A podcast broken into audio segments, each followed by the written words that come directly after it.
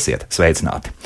un plūst pretsāpju līdzekļu atliekvielu traumas uz jūru. Jā, pētījumi rāda, ka tāpat kā daudzās citās pasaules vietās, arī Latvijā cilvēki daudz lieto medikamentus, kas vēlāk nonāk arī ūdeņos. Oh, kāpēc tas tā notiek? Lai mazinātu sāpes mugurā, locītavās, kā arī galvas sāpes. Šodien par to trešo, konkrētāk migrēnu. Sadzīvot vai ārstēt? Tas ir mūsu šīs dienas jautājums. Uz to arī mēģināsim atbildēt. Šeit studijā neiroloģe, algoloģe Linda Zvone. Sveicināti! Labrīt. Un šobrīd attālināti esmu sazinājies ar Latvijas galvassāpju pacientu biedrības vadītāju un migrēnas pacienti Līgu Albertiņu. Līga, sveicināti! Labrīt! Sāksim ar iemesliem, kāpēc tomēr veidojas eh, migrēna. Jo nu, pat lasīju medicīnu LV, raksts gan ir liekas vismaz gadus, divus sens, un, un tur vairāk tiek runāts par tādiem palaidē mehānismiem. Un proti, tās paskatās, nu, nelietosim alkoholu, drusku piedomāsim pie diētas, un migrēna pāries pat no sevis. Nu, vismaz man tāds radās uh, iespējas izlasot to. Laikam jau tik vienkārši viss nav. Mm, nav gan, uh, joprojām ir daudz mīti par migrēnu. Uh, un, jā, tad tipiski tur būtu tās vairāk plašsaziņas līdzekļos, portālos var izlasīt dažādus triggerus, tur šokolādes un, un alkohola sākājā, kā minēts, bet tiešām tas īstenībā varētu būt sīkākā uh, sadaļa vai, vai mazākā varbūt tās bēda par, saistībā ar migrēnu, jo migrēna ir smadzeņu slimība. Tas būtu mums jau sarunas, kā jau arī ievadā pastāstījāt par smadzeņu darbību. Mēs arī tiešām šo, tā ir smadzeņu slimība, kur arī iesaistīta ir asinsvadu reakcija un šis sāpju moments. Bet tātad tās nav tikai sāpes, tur ir dažādi citi vēl pavadoši simptomi, slikta duša, vemšana, jutība uz gaismu, varbūt redzes traucējumi, dažādi neiroloģiski, reāli neiroloģiski simptomi, kas var sabiedrēt pacientu pirmo reizi tos izjūtot. Bet tātad tas viss liecina, ka tā ir smadzeņu slimība, kur ir iesaistīta iesaistīti daudz dažādi šie smadzeņu reģioni, kas, kas par šo sāpju pārvadi atbild un, un, un tas sāpju teiksim, tas epicentrs, kur notiek tā sāpe, nav iekšā smadzenēs. Smadzenes ir palaidē mehānisms migrēnas lēkmē, un tur vairāk tieši tiek runāts par hipotalamu, kas mums ir arī tāds mūsu um, uh, cirkādo ritmu, uh, bioritmu regulators, atbildīgais, atbildīgais, kur atkal ļoti cieši saistība ir ar emocijām un visam pārējiem. Tā kā uh, limbiskā sistēma turpat blakus ir tātad visa šī emocija regulācija, bet ne tikai. O, un šis hipotalams tiek minēts iespējams kā šis ģenerators, kurš palaiž šo migrēnas lēkmi, bet tas sāpju epicentrs notiek nevis smadzenēs, jo smadzenes nav sāpju jutīgu teiksim, šo neironu, bet tā, šīs sāpīgās šķiedrības ir smadzeņu apvalkos. Tātad smadzeņu apvalkos, kur ļoti arī bagātīga asins asinsvadu tīklojums, kas, kas baro teiksim, ja, šo smadzeņu apaugus. Tur ir jā, ļoti cieša trīszaru nerva. Varbūt ir dzirdēts, ka trīszaru nervs var ļoti sāpēt. Arī zobu inervācijai visu jutību nodrošina trīszaru nervs, bet tad arī šos smadzeņu apvalkos viņš ieiet iekšā šīs šķiedriņas, un tur tā sāpju reakcija notiek. Tur notiek dažādu vielu izdalīšanās aktīvi. Tas ir tas, ko zinātnieki nu, līdz mūsdienām ir izpētījuši. Migrēna zināma jau gadsimtiem ilgi. Aprakstīja izplatīta, un tur nezinu, ļauno garu izdzīšana un, un trepanācijas mēģinājumi ārstēt migrēnu, un kas tikai nav asinslaišanas, un, un arī visādi elektrošoki un, un, un, un ierīces uz un, un, un dažādas zālītes, un kas tikai nav mēģināts no indiāņu ciltīm līdz, līdz, līdz mūsdienām. Bet tieši šogad trīs zinātnieki ieguva prestižo Lundbeku tādu balvu Brain Prize tieši par migrēnas pētījumiem. Un man ir jā, gods arī bijis pie viena no tiem zinātniekiem mācīties. Jēzus Solisens, kas ir no Dānijas, Lars Edvinsons un Pīters Godsbijs no Anglijas. Tad viņi visi trīs ir tie, kas devuši milzu ieguldījumu tajā migrēnas izpētē. Kas tur notiek tajās jau tālākajās sadaļās, tajos smadzeņu apvalku, tur tajos kādi tie peptīdi un kādas vielas tur izdalās. Līdz ar to tā migrēna paliek aizvien skaidrāka, saprotamāka. Bet jā. joprojām tas nav skaidrs zinātniekiem. Nu, vai tiešām tas palaidē mehānisms ir taisa smadzenēs, vai tomēr varbūt no tās perifērijas kaut kur nāk? Mm -hmm. Jo tāpat pie migrēnas var būt kakla sāpes, kakla daļas. Es par sāpes. to gribēju jautāt, jo vienā no iepriekšējiem redzījumiem mēs vairāk runājām tiešām par to, ka tur kakls ir vainīgs, ka nospiežam, slikti sēžam un tā tālāk. Iemesls, tā tālāk, kāpēc daudzreiz migrēna paliek nediagnosticēta, jo Jā. visu vainu nolēja noveļ uz spondilozi, tur ir izmaiņas kakladeļas skriemeļos vai savilkti šie kakladeļas muskuļi, bet patiesībā to vairāk uzskata par sadaļu pie migrēnas, ka tas ir arī viens no simptomiem migrēnas lēkmes laikā. Kā izrādās, jā. Bet, protams, arī varbūt kā trigeris, kurš kā palaid. Palaidēja mehānisms, jā. jā. Tātad migrēna, ko kopumā ir tāda diezgan sarežģīta. Tas, tas kas notiek gan šajās smadzenēs, smadzeņu garozā, tur tātad notiek arī dažādas šīs te, piemēram, auras simptomi, kas ir šie neiroloģiskie simptomi, kas var būt pārējoši redzes, varbūt pilnīgi pazūd redzes vienā acī, mirguļo, cilvēkam izplūst visu, un tas var ilgt pusstundu, stundu, var būt runas traucējumi, var būt tā, ka tā, pacientam paliek nejūtīga roka, mēlē, seja, tātad nu, atgādina insulta simptomus. Mm -hmm. Bet tā kā migrēna tomēr pārsvarā jauniem cilvēkiem, gados jauniem, un ja tādi simptomi bieži atkārtojās, viņi ir īslaicīgi ar pārējošu efektu, tātad nav ilgāk par stundu, tad tos saist vairāk ar šo auru, bet tā reakcija, tas, kas smadzenēs atkal ir izpētīts auras laikā, notiek, kad ir tāds depolarizācijas vilnis, kas iet pāri garozai, tātad tur ietasies jonu kanāli, tā kā tie elektriskie impulsi tiek Vienmēr pāri. Smadzenes nepareizi sāk strādāt. Nepareiz strādāt, jā, jā nepareizi mm -hmm. strādāt, bet tai pašā laikā liekas, jā, viss kaut kas tur notiek tajā smadzenēs.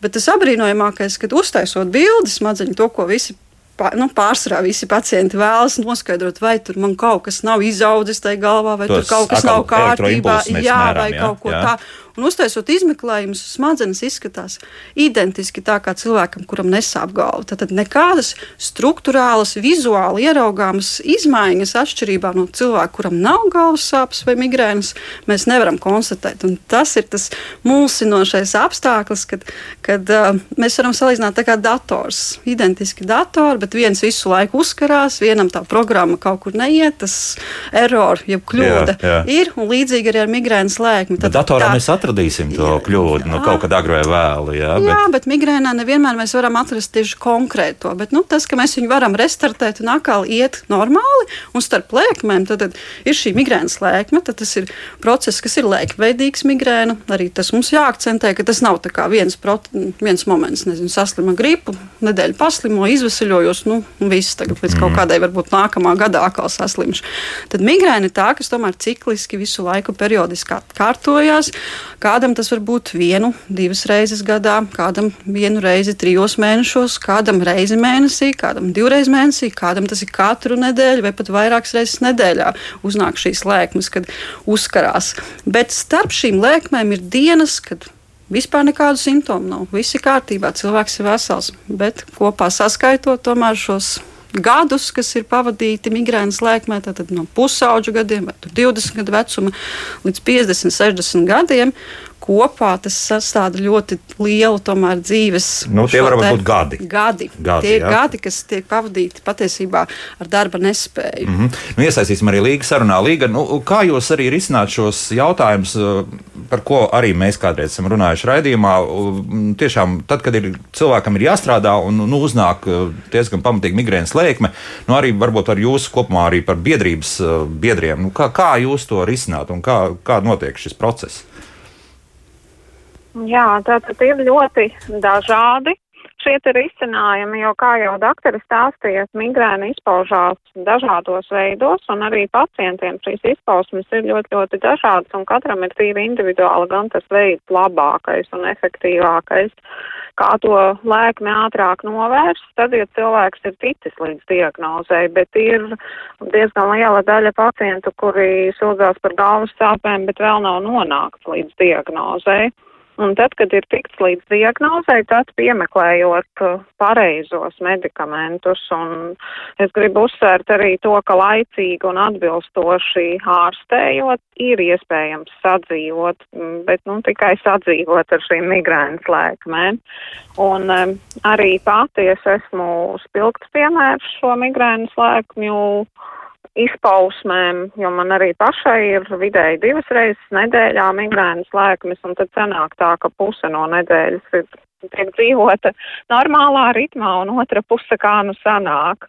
Un te izveidojas arī tāds aburtais loks, jo patiešām ir darbspējīgā vecuma iedzīvotāji, tie, kuri cieši no migrēnas. Mm, un darbā ir ļoti dažādas šīs situācijas. Ir, kur mums pacients stāsta, ka ir nesapratnē arī no priekšniecības puses. Ļoti daudz pacienti baidās teikt par to, ka ir migrēna, jo ir bailes par to, kas notiks tālāk, vai sapratīs vai nesapratīs. Tādēļ arī mēs no biedrības puses eh, ļoti daudz darbojamies. Un, um, cenšamies sabiedrību izglītot, informēt, jo par migrāntu patiešām ir jārunā un jāstāsta, kas tas tāds ir un ka cilvēks ir um, ļoti aktīvs un arī šie pacienti, kuriem ir migrēna, ir ļoti uzņēmīgi cilvēki ar lielu, lielām darba spējām un atdevi lielu, milzīgu. Un tad sanāk tā, ka migrēnas dienās ir nolikts maliņā šis cilvēks, jo darba spējas samazinās vairāk nekā 50%, tad darba spēja ir varbūt 20% tajā mirklī, kad ir šī migrēnas lēkme. Mm, un, um, ja nav šī iespēja doties mājās, nu, tad ir ļoti, ļoti grūti. Tas cilvēks tiek dubultā nomocīts. Bet savukārt, tad, kad migrāns laikam ir pārgājusi, tad ar um, visu šo iekavēto cilvēks ir spējīgs padarīt, padarīt un paspēt. Mhm. Tikai nu, varbūt tas grafiks tad ir drusku jāmaina, arī darba devējiem tad tomēr laikam ir jāizstāsta. Un, un, ja to var pakārtot, pieņemsim, ja tur nav kaut kāds ciklisks process, no kura izlekt ir grūti darbiniekam, nu, tad, tad viss principā var izdarīt, un tas tiks atstrādāts, teiksim tā. Ja? Jā, saprot, tieši jā? tā. Mm -hmm. Šeit ir komunikācija, un tad, ja ir darba devējs saprotošs un patiešām pretīm nākošs, tad šie ir tie cilvēki, kuri darba vietās ir ļoti, ļoti labi darbinieki. Mm -hmm. Bet tikai atrodot jā, šo savstarpējo risinājumu, kā to paveikt. Un un, kā... Protams, arī viss ir atkarīgs no amata, kādā amatā protams, cilvēks darbojas. Protams, un kā Bet ir mums jā. diezgan jā, daudz pacienti, kuri ir izveidojuši, pakārtojuši šo dzīvi. Ir tādi, kuri pat ir aizgājuši projām no darba. Ir tādi, kuri ir um, sākuši darboties paši par sevi, tur, kur pats sevi ir priekšnieks un darba devējs un izpildītājs viss vienā, un tad var, ja apstākļi ļauj, jo katram ir arī ģimenes dzīve un ir ļoti, ļoti dažādas šīs situācijas, bet ja ļauj un var pakārtot darbus. Uh, tām dienām, kad cilvēks jūtās labi, nu, tas ir tas ideālākais variants. Nu, izdodas jā, sarunāt, cik mēs, mēs tur runājam par desmitiem tādu gadījumu, vai, vai tie ir simti, un arī atcerēsimies par visam apmēram 200 tūkstoši saskars ar migrēnu Latvijā. Nu, kā tur ir? Nu, tie dati, epidemioloģiskie dati ir. Saku, Tomēr valstīs notiks nolikts. Jā. Jā. Jā. Epidemioloģiskie dati, jā, nu, teiksim, tādi, kas ir uz vispārēju, uz uz, uz pasauli rēķināti, bet tomēr katrā valstī viņi ir atšķirīgi. Mm. Mums nav precīzu datu par Latviju, nav tādi plaši pētījumi, ka mēs teiktu kvalitīvi, ka mēs varētu tiešām pateikt. Bet tas, kas ir no tiem vispārīgiem pasaules datiem, tad, tad tas ir svārstās no 10 līdz 15% populācijā cilvēku. Nu, tad mēs vidēji rēķinām, ka tie varētu būt ap 350 tūkstoši pacienti pat Latvijā. Vairāk, tomēr, pat jā, vairāk, jā. bet ja mēs ņemam vairāk tieši to grupu, kas ir nu, tie aktuālākie šajā brīdī, kas varbūt šie darba spēja no 15 līdz 50, 60 gadiem, tad mm -hmm. tie varētu būt ap šiem 180 200 tūkstošiem. Jā. tūkstošiem. Bet ne visiem tātad šī intensitāte, tas biežums nebūs vienāds. Ja? Tur atkal šīs saka, proporcijas sadalīsies, kuri varbūt būs šie, kuri izteikti, ja tā kā līgas gadījumā ir divreiz nedēļā, ja? tad, tad tās ir astoņas dienas mēnesī, bet tātad vai vismaz, jā. vismaz vai vienu dienu tā lēkme ilgs vai nē, vai būs atšķirība, vai tas būs vienu reizi mēnesī, varbūt vienu dienu. Ja? Tad, tad tur atkal sadalīsies šīs proporcijas, bet es tikai vēl piebilstu par tām visām šīm darba un karjeras tādām lietām. Tad, tad migrēna var ietekmēt patiesībā jau šīs pat karjeras izvēli, pat izglītības kā, iegūšanas, jo arī tajā procesā jau no teiksim, pat skolas vecumā, kad bērniem sākās migrēnas, tad uh, tikpat labi viņi var uznākt eksāmena laikā, viņš uzra, uzrādīt sliktākus rezultātus. Viņš var baidīties, varbūt tās uh, kaut kur nu, iet uz kaut kādu tādu karjeru, kur viņam būs vairāk varbūt šis te, teiksim, kaut kā kādas šīs spriedzes, noslodzes, kaut gan viņš varbūt būtu spējīgs, bet viņš dēļ migrēnas patiesībā var jau sevi ierobežot. Ir pat dažas profesijas, kur nemaz neņems strādāt ar migrēnas teiksim, slimību. Jo tur, nezinu, lidmašīnas pilots, kuram sākas nu, auras jā, vai jā, kaut jā, kas tam līdzīgs. Jā, tad arī tie profesiju izvēlē varētu būt ierobežojumi, izglītības ieguve ierobežojumi, arī varbūt augstāku amatu pacients neies, ne, nepretendēs, tāpēc zinot, ka tas viņa migrēnu varētu sāsināt. Tad, tad arī tā tādi tīri diskriminējoši gandrīz, tā kā mēs runājam par sieviešu vīriešu diskrimināciju, bet arī slimība var kādreiz var būt tā, kas kaut kādā veidā ierobežo, bet es pilnīgi varu piekrist un tie stāsti no mana pacientu stāsti, kā viņi, teiksim, darbā sadzīvo šo migrēnu. Viens iet toaletē, ieslēgties, puses iedzer zāli un aiziet pusstundu pasēdēt. Vienkārši kad, jā, jo jā, šī, kad viņš nevar pakustināt galvu, pat katra kustība viņam ir grūta, lēkmes sākumā. Visideālākais, ja viņam būtu iespēja atgulties kaut kur tumšā telpā, aptumšotā. Ja? Jo ir svarīgi arī, lai, kad iedzer zāles, lai viņas iedarbotos. Nevis tā, ka pacients turpina strādāt, aktīvi kaut ko darīt, jo tas, tas viņam ir apgrūtinoši, grūti, bet arī, Neko arī neizdarīs. Arī īsti, neizdarīs jā. Bet, Līga, jūs jau esat iemācījusies, nu, teiksim, jau atpazīt, un jau tā aura nāk virsū, un arī viss šīs jau, jau tās, tās blakus jau parādības, kas, kas liecina, ka tūlīt jau sāksies atkal. Nu, varbūt tā jau var iekārtot so savu dzīves teiksim, ciklu, jā, un, un dienas ciklu.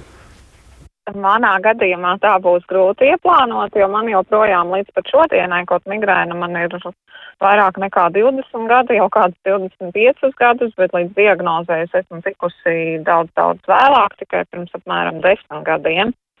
Un līdz ar to arī šīs atdzīvošana ir bijusi ilga un patiešām liels uh, gadu skaits nu jau būs, cik ir patērēts šajās sāpēs un migrēnas ietekmē. Un uh, manā gadījumā auras kā tādas nav. Un pat šobrīd ir tā, ka ir eksperimentālā kārtā, tad, kad man sāk, sākas galvas stāpes, es bieži vien lietoju parastu precāpju tableti ar domu, ja nu pāries. Bet izrādās, ka tomēr nepāriet, un tā ir migrēnas lēkme. Un tad, jo vēlāk iedzer šo medikamentu, jo attiecīgi tā migrēna ir jau spēcīgāk attīstījusies. Un līdz ar to ir nepieciešams arī ilgāks laiks, līdz kamēr um, atgriežas atpakaļ normālā ikdienas ritmā. Mm -hmm. Un vēl varu minēt uh, to, ka manā gadījumā migrēna atkārtojas nākamajā dienā, jo ir tātad šis me medikaments, kurš palīdz pie lēkmes, lēkme tiek noņemta. Protams, arī pēc lēkmes darba spējas ir samazinātas un ir tāds mm, nu, lēnākas uh, ikdienas darbības, ir tas cilvēks tagad tāds palēnināts. Un, tas ir medikamenti, tā ir medikamenti iedarbība, principā. Um, tas var būt gan, gan, gan lēkmes tāds, teiksim, Jā. pašas lēkmes laikā arī pacients var justies tur tā kā, un iespējams, ka medikaments nav pilnīgi, no, pilnīgi noņēmis šo lēkmes simptomātiku, viņš iedarbojas tikai daļēji, jo arī tur ir, ir kuram simtprocentīgi ir super efekts, laba atbildes reakcija, pusstundas, stundas laikā viņš ir no lēkmes brīvs, bet ir pacienti, kuriem varbūt uz 50, 60% medikaments iedarbojas. Bet, jā, arī medikamentu blakne arī varētu būt dažiem šiem medikamentiem individuāli pacientam no pacienta var atšķirties arī šie blakus efekti. Un reizēm pacienti pat izvēlās nedzert šo it kā efektīvo medikamentu, bet tieši dēļ šīm blakus parādībām. Bet varbūt viņš ir pamēģinājis tikai vienu. Mums tā problēma Latvijā, tas, ka, ko jau Līga minēja, kad novēlot diagnostiku viņas gadījumā, ja tikai pirms desmit gadiem noteikti, bet viņas ir 20 gadus jā, vairāk. Jā. Tas varbūt arī tāds noteicošais, kāpēc tā slimība ir attīstījusies tik intensīvi, ka viņa nav efektīvi ārstēta jau sākotnēji, nav piemeklēts, teiksim, šīs ātrākas iedarbības zāles, kas, kas palīdz palīdzēt. Tad ilgu laiku bijis tāds neefektīvs ārstēts. Piemēram, manis arī atnāk pacienti, kas ir ilgstoši lietojuši parastos precāpju medikamentus lielās devās, iedzīvojušies kuģu čūlās, varbūt jau tur kaut kādās citās problēmās, kas ir saistīts ar šo precāpju medikamentu ar pārmērīgu lietošanu. Jā, pārmērīgu jā un jā. paši mm. sāk provocēt galvas sāpes, kas ir tik paradoxāli un, un maz atpazīti Latvijā, kad pats pretsāpju medikaments, visparastākais ibuprofens, paracetamols un vēl jau vairāk, kur kombinācija ar kofīnu vai kodeīnu. Es nezinu, vai drīkst saukt tos medikamentus labāk nedrīkst, jau nē, jā, bet jā. Nu, ļoti labi zināmais medikaments, kas patīk gan veciem, gan jauniem cilvēkiem, lēts, uh, Latvijā pieejams šis no, kombinētais. Jā, jā, runa, jā kas tiek lietots it kā nevainīgi, bet katru dienu, un katru dienu viņš sāk lietojot, viņš sāk pats provocēt galvas sāpes. Līdzīgi kā ar kafijas dzeršanu, pārmērīga kafijas dzeršana, kofīna, atkarīgas galvas sāpes īstenībā nav retums. Tie, kas dzer 5-6 krūzītes dienā, viņam vienu dienu netiks iedot šī kafija, vai viņš ne... sāksies problēmas ar galvu. Tas bija interesants jā. pētījums, kur ne pētījums, bet novērojums, kur kad kosmonautus palaida šajā te. Uh, galaktiktā, ja, un tad uh, viņi, viņiem sākās visiem ļoti stiprs galvas sāpes, un nevarēja saprast, un viņus tur izmeklēja šādi tādu, un īstenībā beigās izrādījās šis triviālais iemesls, ka viņi kafiju nebija dabūjuši tur augšā, un tad viņiem piegādāja šajās tūpiņās arī tās kafijas, un galvas sāpes nebija. Tā kā, jā, tad, tad arī šis medikamentu jautājums un neefektīvi, ilgi ārstēta, nediagnosticēta, neatpazīta migrēna, kur jā, noveļ vainu uz sprandu, uz blakus dobumu iekaisumiem, kur nekas īsti tāds nav, ka tur būtu ilgstoši gadiem noritoši. Tas nevarētu būt vai redzes traucējumi vai citi tādas maldīgas diagnozes, kas vai vienkārši nepievērš uzmanību. Reizēm es brīnos, man atnāk pacienti, kas varbūt tās 10, 15 gadus ir cietuši. Jā, viņam nav katru nedēļu, bet viņam tomēr reizi mēnesī uz divām, trīs dienām. Viņš ir nu, tāds, uz darbu iet, bet nu, neko īsti tur nevar padarīt, ar zāles, bet viņš nav gadiem meklējis šo. Kā, griezies pie ģimenes ārsta, pasūdzēties par to. Tagad varbūt tās, kad vairāk tiek runāts sabiedrībā, viņš kaut kur tad dzirdējis, tomēr, un tad tur vai vīrs, vai sieva, vai kas tur ieteicis, un tomēr aizēja. Ja, bet patiesībā jā, šī pacientu pašu. Un arī tas parādās no pasaules datiem, ka 50% pacienti nevēršas pēc palīdzības. Nu, Tātad, daudz, daudz. Arī jā. tas varbūt bija, tas no sākumā man bija tāds varbūt izbrīns, kad vasarā tika vākti šie pāraksti par, par migrēnas iekļaušanu kompensējumu diagnožu sarakstā. Tad 10 tūkstoši pārakstu bija jāsavāc. Ja mēs skatāmies, ka varētu būt pie 200 tūkstoši no, no, migrēnas pacientu, tie pāraksti lēni, ja? diezgan lēni viņi gāja, un tur jau parakstījās arī migrēnas pacienti, viņu radinieki, tā kā daudz citi, kas atbalstīja šo iniciatīvu. Bet tātad mums tie migrēnas pacienti varētu būt diezgan neatpazīti. Joprojām, Tad, joprojām jā, tie, kuriem būtu ja. efektīva šī terapija, kuriem būtu vajadzība, kuri varbūt uzlabotu savu produktivitāti un darba spējas, viņi nesaņem šo ārstēšanu. Nu, vai nu mēģina ar šiem pretsāpju līdzekļiem paši jā, ārstēties. Jā, jā. Jā. Līga, bet tomēr arī kā jums tur bija šī vēsture, tad, tad 20 gadi ar šo slimību un tikai 10 ar, ar diagnozi. Kas tad bija tas palaidēja mehānisms, ka tomēr jūs aizgājāt pie ārsta? Nu, bija ļoti slikti. Es nonācu līdz ātrai palīdzībai, jo sāpes ir ilgstošas, un tad, ja nav piemērotā medikamenta, tad mēs varam pat pusnedēļu, un ir pacienti, kuri pat nedēļu dien dienā mokās ar šīm galvas sāpēm, un tad, ja nezinu iemeslu, tad, protams, ir bailes satraukums, kas nu notiek, bet tā kā ārsti jau teica, ka izmeklējumi, izmeklējumus veicot uzrādās uh, normāla aina, ka nekādas izmaiņas nav, un tad uh, jāņem ir vērā, ka tie bija Um, deviņ, tas bija 90. gada sākums, praktiski teikt arī šī te laika ietekme, kāda bija medicīna tajos laikos un, un kāda attīstība ir notikusi līdz mūsdienām. Tad galvas sāpes tika uzskatītas par tādām nu, mazsvarīgām. Es aizēju pie ārsta, man saka, nu, ko jūs te nākat, jums sāp tikai galva, nu, tas jau nekas nav. nevar cilvēks saprast to, kurš pats nav saskāries vai kuram trūkst informācijas par to, kas ir migrēna. Migrēna nav parastas galvas sāpes.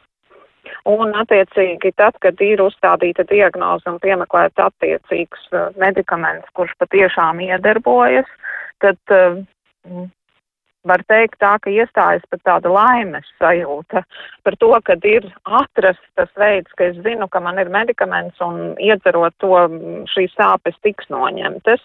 Protams, šeit būs arī noteikti ļoti daudz oponētāju un teiks, ka ir jāmeklē iemesls, no kā šīs galvas sāpes veidojās. Un šeit atkal es gribu piebilst to, ka tas, kurš pats nesaskarās, tam no malas ir ļoti viegli runāt un teikt, meklējiet iemeslu. Arī migrants pacienti lielākā daļa meklē šos iemeslus, bet nu, mums visiem ir sava sadzīve, ir dažādas šīs dzīves situācijas, un nav tā, ka varētu visu nolikt malā un pakārtot savu dzīvi tikai un vienīgi tam, lai izvairītos pēc iespējas vairāk no šīm migrēnas lēkmēm. Nu, protams, protams, un jā. Eh, vēl es gribu piebilst to, ka no biedrības puses jā, ir ļoti daudz uh, strādāts pie tā, lai Latvijā arī būtu pienācīga un atbilstoša ārstēšana migrēnas pacientiem. Un, uh, to, ko doktore pieminēja par parakstu vākšanu mana balss.lv, jā, tātad eh, ir savākti šie desmit tūkstoši un arī saimā ir šis jautājums skatīts. Un mums ir apsolīts, jā, ka migrēna tiks iekļauta kompensējamo diagnožu sarakstā, bet nu, tas ir vēl ļoti, ļoti tāls process spējams. Un um, vēl šeit ir izveidojis tāda absurda situācija, jo migrēna ir periodiska. Tad, kad ir lēkmes, tad cilvēks ir gatavs darīt da jebko, lai tikai palīdzētu sev un palīdzētu citiem. Bet tad, kad lēkme pāriet, tad tas it kā aizmirstās un cilvēks atkal ir atpakaļ savā ikdienas ritmā un dara tās lietas, kuras ir iekavētas dēļ migrēnas. Un šis ir ļoti būtiski, ka ir ļoti svarīgi, ka ir pienācīga ārstēšana, lai mēs izvairītos no šiem blakus faktoriem, jo pie migrēnas ir mm, ļoti daudz blakus efektu, kuri nodara bieži vien lielāku kaitējumu varbūt nekā pati migrēnas lēkme, jo cilvēkam ir trauksme, ir satraukums par to, kā, kas notiks, ja neizies uz darbu, vai kas notiks, ja darbs netiks laikā izdarīts. Un um, tad nākamais, kas pievienojās, ir bezmiegs. Un tā var cilvēks iedzīvoties pat depresijā. Un tādēļ ir ļoti, ļoti svarīgi tomēr sadzirdēt uh, un uh, iekļaut šo diagnozi kompensējamo medikamentu sarakstā, jo medikamenti ir ļoti dārgi. Tā ir vēl viena lieta, kādēļ cilvēki izvēlās parastos pretsāpju medikamentus, jo tie ir daudz lētāki. jā. Mhm. jā, bet viņi nodara attiecīgi lielāku kaitējumu pārējiem orgāniem. Mm -hmm. Labi, pie šīs sadaļas tad pieskarsimies uzreiz pēc mūzikas, ja drīkst. Jā? Un, un tas nozīmē, ka jā. šodien mūsu jautājums dzīvot, sadzīvot vai ārstēt ir nepareizs. Ja? Sadzīvot un ārstēt drīzāk sanāks tā. Es jā? piekrītu, jā. jā. jā. Lūk, šādi. Pēc mūzikas turpināsim, un tad tiešām runāsim arī par medikamentiem vairāk un arī par šo nu, iespējams kompensācijas sistēmu, vai tās vispār strādā šajā gadījumā. To visu arī noskaidrosim burtiski pēc pāris minūtēm. Kā labāk dzīvot? Šeit eh, studijā neiroloģe, algoloģe Linda Zvaune, un attālināti esam arī sazinājušies Latvijas galvasāpju pacientu biedrības vadītāju un migrēnas pacienti Līgu Alberliņu. Un, uh, varbūt tagad pie tiem medikamentiem. Un proti, nu, izskatās, ka tie apsolījumi ir, ka beidzot tas ir noticis, ka būs jā, kompensēta no valsts puses daļa vai, vai šo medikamentu, bet, kā vienmēr runājot par kompensējumiem medikamentiem, mēs zinām, kāda šobrīd ir sistēma, ka nu, ārstam ir jāizraksta šī aktīvā viela, vai tas nozīmē, ka, un mēs, es jau esmu dzirdējis šajā raidījumā to, ka medikamenti ir dažādi. Vai tas nozīmē, ka nebūs tā, ka būs tikai viens medikaments pieejams finālā?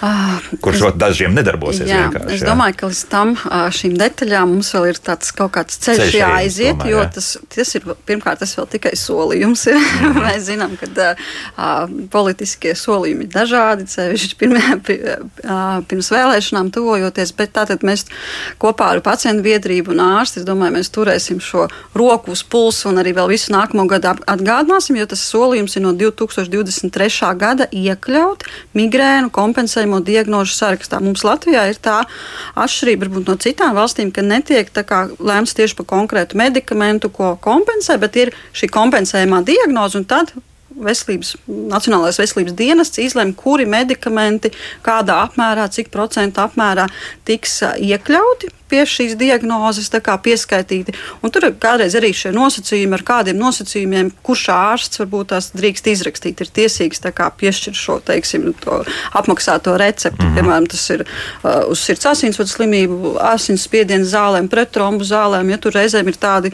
viens pēc otra nosacījumi, kad tikai drīkst būt šo jaunāko, modernāko medikamentu no, izrakstīt. Recepti, respektīvi, rakstīt. Kas attiecās uz migrēnas medikamentiem, nu, tas, uz ko mēs ceram, uz ko pacienti cer, ir šie triptāni hormonu grupas medikamenti. Kopumā pasaulē viņi ir septiņi. Līdz šim Latvijā mums ir pieejami aptiekās pieci veidi šie medikamenti.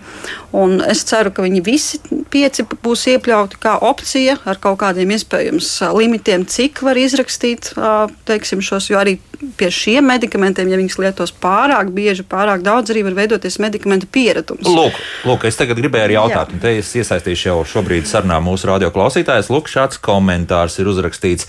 Jā, šie cilvēki mēdz būt ļoti čakli. Es zinu vienu medmāsu, viņai ļoti grūti iet, zāles iedzer, kas gan ir dārgas, bet sitot paknām. Un tā, cik zinu, tagad drīz apmaksās valsts, kas ir ļoti labi, jo, kad sāp galva, ne par ko citu nedomā. Lūdzu, proti, nu, te mūsu radioklausītājs uzrakstījis nu, tādu novērojumu, ja, mm -hmm. ka, ka tomēr šie medikamenti atstāja zinām iespaidu arī uz mūsu iekšējiem orgāniem, ne tikai pretsāpju līdzekļi, kā mēs ne tikai pretsāpju, triptāna grupas, jā, viņi ir saudzīgāki kuņģa, teiksim, uz nieru un pat šīm aknām, nu, tur jā, jālieto, ka viņš ir tiešām jau pārmērīgi daudz, lai būtu kaut kāda tāda kaitīga ietekme, jā, bet, teiksim, šajos limitētajos daudzumos tas, ko mēs rekomendējam nepārsniegt divas reizes nedēļā, tad astoņas dienas mēnesī, kad drīkstētu lietot šādus medikamentus, bet pie mums atnāk pacienti, kas lieto 30 dienas mēnesī šādus medikamentus. No, jau tagad, ko? ar visu to, ka viņi ir dārgi, Jā. viņi jau lieto viņu tik daudz pārmērīgi, jo tas viņam palīdz it kā uzturēt, bet tad galvasāpes ir hronificējušās, un viņam ir vajadzīgs šis medikaments ar vien vairāk katru dienu, un, protams, tādā gadījumā, ja viņš ilgstoši lietos 30 dienas mēnesī, viņam sitīs pa aknām un,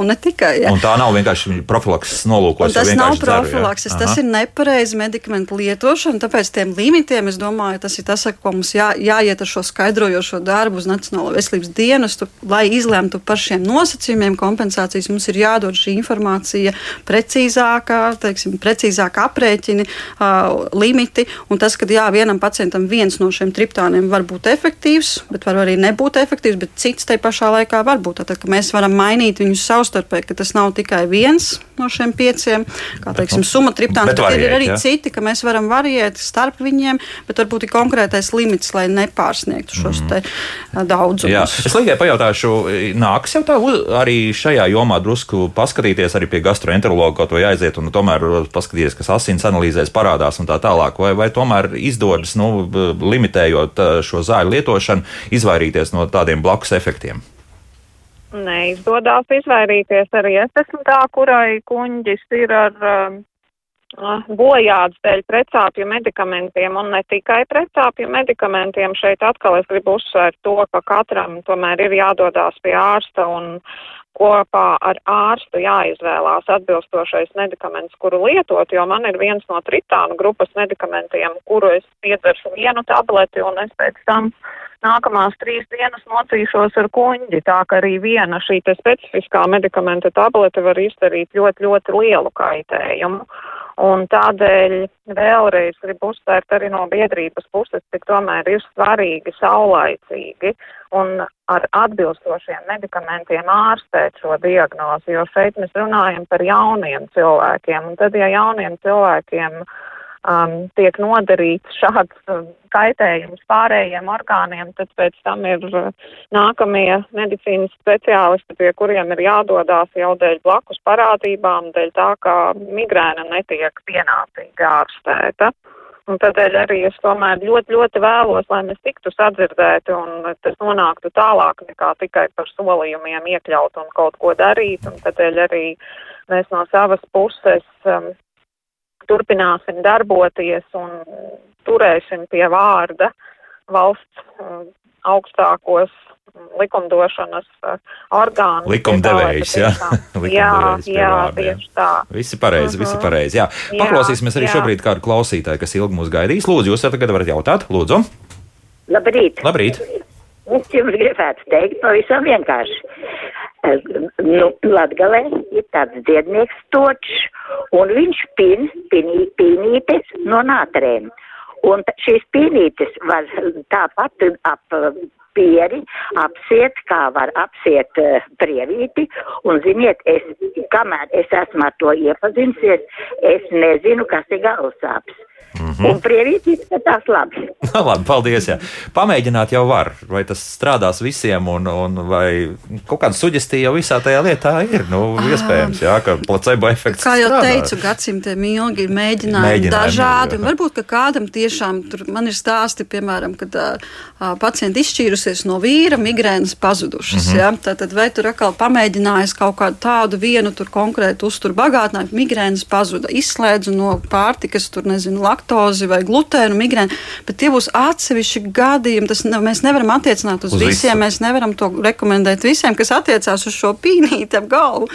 Diezgan tipiski agrākos laikos šie jaunie medikamenti, triptāni, viņi no 90. gadiem pazīstami. Tad viņi nav bijuši maz, varbūt pieejami mūsu vecmāmiņām. Un tad bieži vien mani pacienti stāsta, jā, es atceros, kā mana vecmāmiņa staigāja ar apsietu vielu ap galvu. Šis ārējais spiediens, spiediens patiesībā kaut ko dara. Jā, kaut ko dara. Vai arī pacienti, kas saka, ka viņi mēdz gulēt uz to sāpīgo pusi. Mm, migrēna piespiež to bieži vien ir vienpusēja, varbūt apusē, bet biežāk būs viena vai otra puse, tad viņi saka, es piespiežu, stingri piespiežu, vai tur augstumu lieku. Bet tas var būt tas, kas uz kaut kādu īsu laiku atvieglo. Tā, ka viņš noņems lēkmu uz trīs izāstos, dienām, jā. nu nebūs. Tā. tad, tagad interesanti, druskuļi palasīsim arī radioklausītāju komentārus. Lūk, Jūras mums pašā sākumā jau ir uzrakstījis, sievai regulāri bija smagas migrēnas lēkmes, ilgstošas ar tirpšanu, redzes zudumu, viena acīm un tā tālāk. Bet tās ļoti būtiski mazinājās, kļuva ļoti retas, un, ja arī uznāca, tad pavisam īslaicīgi pēc bērna piedzimšanas. Nopietnais apgrūtinājums praktiski ar to ir, ir izzudis. Tā kā, nu, mēs tam kaut kur jānonākam. migrēna Jā. ir arī ar to, nu, varbūt tās tāda interesanta, kādam labvēlīgā veidā, kādam varbūt nelabvēlīga, ka viņa var būt mainīga dzīves laikā. Viņa nebūs tāda pati kā pusauģa vecumā. Un, ja mēs runājam tieši par sievietēm, šīs hormonālās, cikliskās mainības, kas ir ikmēneša mainības mēnešu reižu laikā, tas ir grūtniecības iestāšanās, bērnu barošanas laikā, arī viņa var mainīties, pārtraukumi, samazināties. jā, jā, Nori, jā.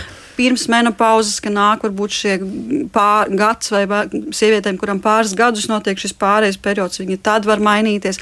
Ar menopauzi bieži vien migrēna izzūd, bet arī ne simtprocentīgi ne visām sievietēm. Bet tomēr, tātad, atšķirībā no vīriešiem, kas arī cieš no migrēnas, tad sievietēm ir vēl šis papildus hormonālais fons, kas var ietekmēt, jā, un reizēm ir šie solījumi, nu tev jau pēc grūtniecības migrēna pazudīs. Un Ā, tad tomēr tas ir raksturīgi Tas var pazīme, būt, jā. bet tas Aha. nebūs ā, tik tipiski. Tipiskā, ko mēs varam teikt, ka grūtniecības laikā migrēna 80% sieviešu migrēna grūtniecības laikā norimst. Viņa pierimst un varbūt vispār neviena lēkme vai lēkmes kļūst maigākas. Tā, un tagad vēl viens klausītāja jautājums Jā. ir par to, vai, vai grūtniecības laikā šos attiecīgos medikamentus, jā, kaut viena no tās pašas grupas, jā. Drīkst lietot. Jā, jo ārsti nu, sakot, ka nē.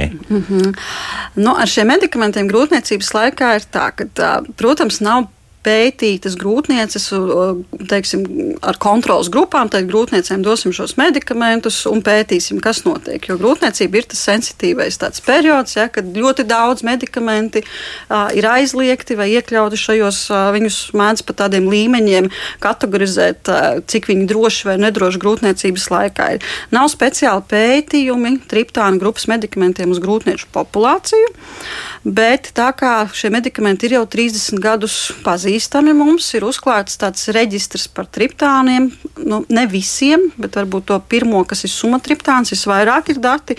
Ā, Tad, tad grūtnieces, kas ir lietojušas, nav zinājuši, ka viņas ir stāvoklī, ir lietojuši, turpinājuši lietot. Ir tādas, kas ir lietojuši pa spīti, tā viņas zināja, ka nedrīkst vai var būt, bet viņām tā sāpēs, ka viņas ir lietojušas. Tad, tad ir gan liels reģistrs uzkrāts, kur kur dati liecina, ka nav kaitīgas ietekmes uz augli, nav kaitīgas ietekmes uz grūtniecību. Bet tas nenozīmē, ka mēs tagad visām grūtniecēm simtprocentīgi atļausim to lietot. Turpināt lietot, jā. Jā, tas joprojām ir ar piesardzību, bet atsevišķos gadījumos ar ārsta konsultāciju var būt pieļaujama. Tātad, skatoties, kāda grūtniecība, kas tur tā kā viss, bet pārsvarā tomēr tas, ka grūtniecības laikā lēkmes paliek maigākas, vieglākas, retākas, un ļoti maksimāli mēs cenšamies ar nemedikamentozajām metodēm. Tad, ne, medikamenti nav vienīgais, kas var palīdzēt. Tur ir iespējams, nu, sākot no tā, ka skatās, kas ir triggeri un kaut ko vairāk tieši uz šo profilaktisko pusi, bet tās var būt arī dažādas kā blokādes ar medikamentiem, kas ko drīkst teiksim, inicēt grūtniecības laikā.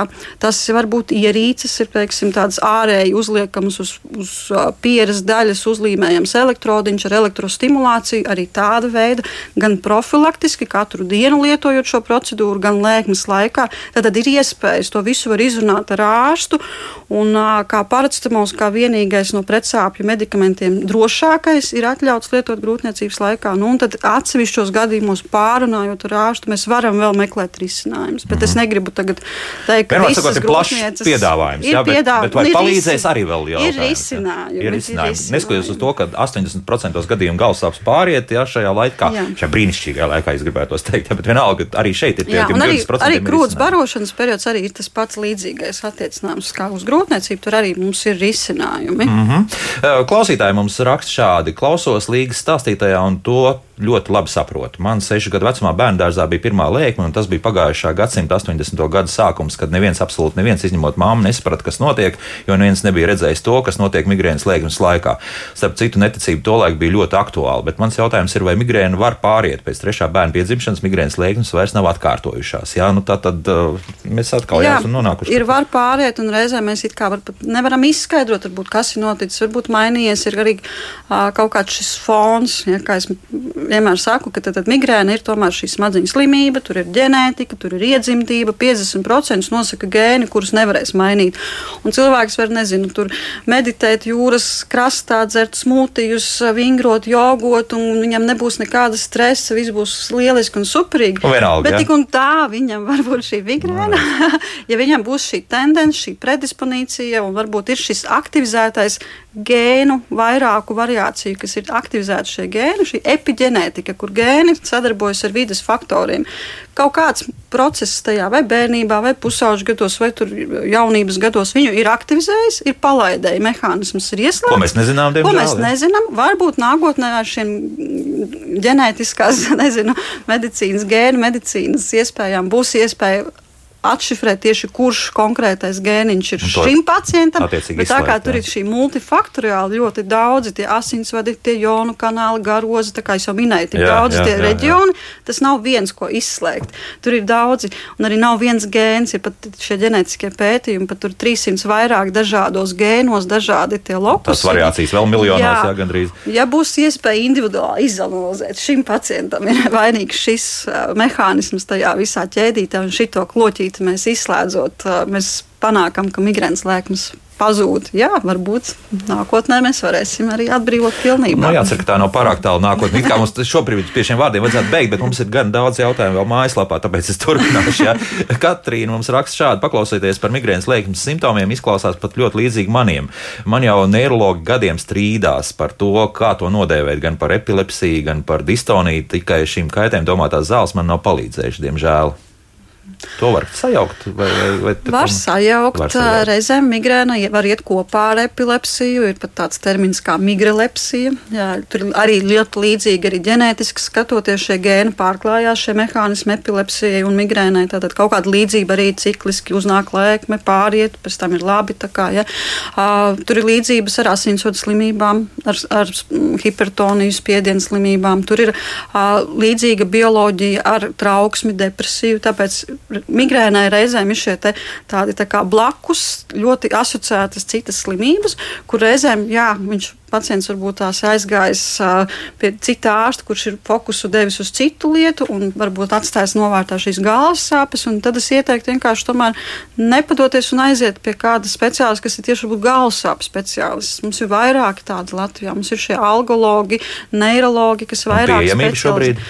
Pieejamība nu, ir dažādi. Ir arī reģionos, kur ir šie kabineti, galvasāpju kabineti, Valmierā, ir Liepājā, kur dakteris, kas specializējas. Ja, tāpat mums ir izveidots nu pat kā nu, jau vairāk kā gadu darbojas galvas sāpju vienība Gaļazara slimnīcā, Universitātes mm -hmm. Austrumu, Austrumu klīniskā universitātes slimnīcā ir galvas sāpju vienība specializēta tieši galvas sāpju pacientiem, kuri varbūt tās vai nav uh, grūti diagnosticējami. Tur ir konsīlija, kad ir varbūt tiešām šie sarežģītie pacienti, kur grūti piemeklēt ārstēšanu. Viens ārsts jau tur mēģinājis vairākus variantus un nepadodas. Mēs nākam kopā konsīlijā, pieaicinam attiecīgi, ja vajag vēl kādu speciālistu un izlemjam, kā mēs vislabāk varam palīdzēt šim pacientam. Mm, Tā kā iespējas ir meklēt. Un rindas, pieņemsim? Uh, nu, rindas gaidas ir slimnīcā uz kaut kādu janvāru, februāru varētu būt. Nu, to vēl var pieciest. Jā, jā.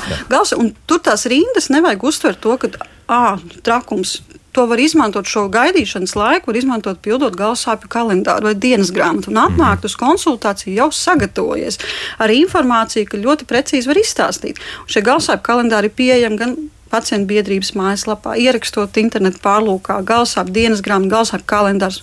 Tagad ir arī aplikācijas, mobila aplikācija Migrēnas kompass, kur arī pacients telefonā jau var reģistrēt savus, cik stipra lēkme, kas iespējams viņu tri triggerējis, provocējis to lēkmi, ko viņš ir iedzēris un cik stundas ilgi. Un tad pacients atnāk jau pie ārsta, mums ir īsāka saruna par, mēs varam vairāk veltīt jau sarunu par to, kā ārstēt, ko darīt, nevis ievākt pusstundu visu šo informāciju. Mhm. Tā Līga ir noteikti arī uzmanīgi visu klausījusies. Līgai viens jautājums, cerams, ka sēžot mašīnā, Jā. nav pārāk nosalos Līga. Jā. Nu, tā mums sanāca, jo Līga bija paredzēta Jā. studijā, bet nespēja atbraukt līdz mums. Um, Dina mums jautā šādi. Mana migrēna izpaužas ar nelielām galvas sāpēm, bet ar sliktu dušu jautājums, vai drīkst strādāt mājiņu darbu? Kāda ir pieredze? Tad, kad ir, nu, teiksim, ne gluži 8 stundas, jā, bet nu, tad viss 24 varbūt vai, mm -hmm. citādi. Jā, Līgai, nu, Ah, Līga- Līga, Līga, jā, jā. labi, jā. Mhm. Jā. Jā, tā tad var strādāt, protams, arī maiņu darbu, bet atkal ir jāskatās tā, vai būs šajā maiņu darbā iespējama aizvietošana, jo ja paliek cilvēks tikai viens un ir šī sliktā dūšana, tur strādātājs nebūs.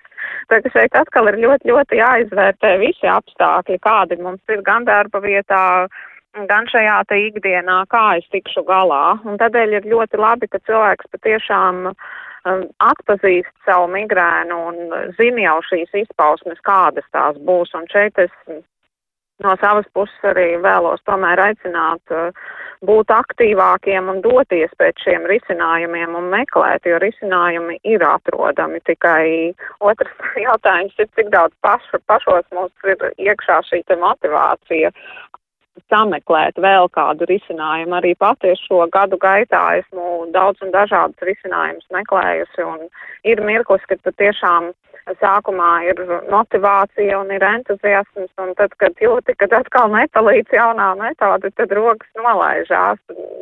Bet tomēr saņemamies un ejam un darām un meklējam. jā. Mhm. Lūk, tā. Jā, jā, tieši tā. Tā, minūte mums laika, vairāk mums nav. Mēģināsim ļoti ātri atbildēt uz klausītāju jautājumiem. Pirmkārt, eh, kāds novērojums no migrēnas pacients puses par eh, šķidrumu lietošanu, ka samazinoties eh, pa, paliek sliktāk. Jā, varētu pilnīgi tā piekrīt, būt, jā, var Em, būt. Iesaka arī ārstēt, skatīties, kas ar muguru notiek. Ļoti iespējams, jā. jā, arī piekrīt. Mm noteikti. -hmm. Un te jautājums arī nu, 60 gados, vai ir vēl vērts iet pie ārsta apmēram tā? Ir vērts iet. Man ir pacients, kas ir 70 ā, pāri gadi, kurš arī joprojām piedzīvo migrēnas laiku. Mēs varam palīdzēt. Mm -hmm. Tiešām Migrēna un menstruācijas kopā. ļoti cieša saistība ir šī menstruālā migrēna, un tur ir atsevišķs vesels stāsts. Es iesaku pastīties Latvijas galvasā pacientu biedrības Facebook lapā. Ir saglabājušies migrēnas fóruma ieraksti, kas notika septembrī. Četras sarunas, un tieši viena bija veltīta hormonālajiem visiem aspektiem saistībā ar migrēnu, kur ar ginekoloģiju, Astrīdu Tirāni pār, pārunāti visi šie jautājumi. Es tiešām iesaku, tie video ieraksti ir saglabājušies. Un mm. vēl Nobeidzot sarunu, Jā, es gribētu sekundes, jā, ir. teikt, man liekas, lielo, lielo paldies tieši Līgai Alberliņai, kas ir, manuprāt, tā kā tāds Dzinējspēks, lokomotīva jā. gājusi uz priekšu, un arī vēl pirmsākumā, kas ir Dagnija Millera Balandīna, kas ir aizsākums pacientu biedrībai, jo bez šīs pacientu biedrības mums nebūtu iespēja uzrunāt pacientus kā platformu, kur, kur teiksim, koncentrēti, un arī šī virzība, šo jautājumu virzība, pacienti iesaistieties, nākat palīgā tai biedrībai, jo līgai arī ir savi spēku limiti, viņi arī cieši no šīm migrēnām. Ir vajadzīga vairāk pacientu iesaistīt, Meklējiet internetā informāciju, biedrību. Lūk tā. Līga Alberliņa, paldies Līga par piedalīšanos Jā. redzījumā, un Linda Zvaune, ā, neiroloģija un algoloģija bija kopā ar mums. Paldies par sarunu, mēs noteikti pie tā vēl kādreiz atgriezīsimies. Šodien vēl veiksmīgu dienu bez galvasāpēm, un tiekamies jau rīt, rīt par tad otro pensiju līmeni, kas tur mainās, par to tad rīt izrunāsim raidījumā. Atā!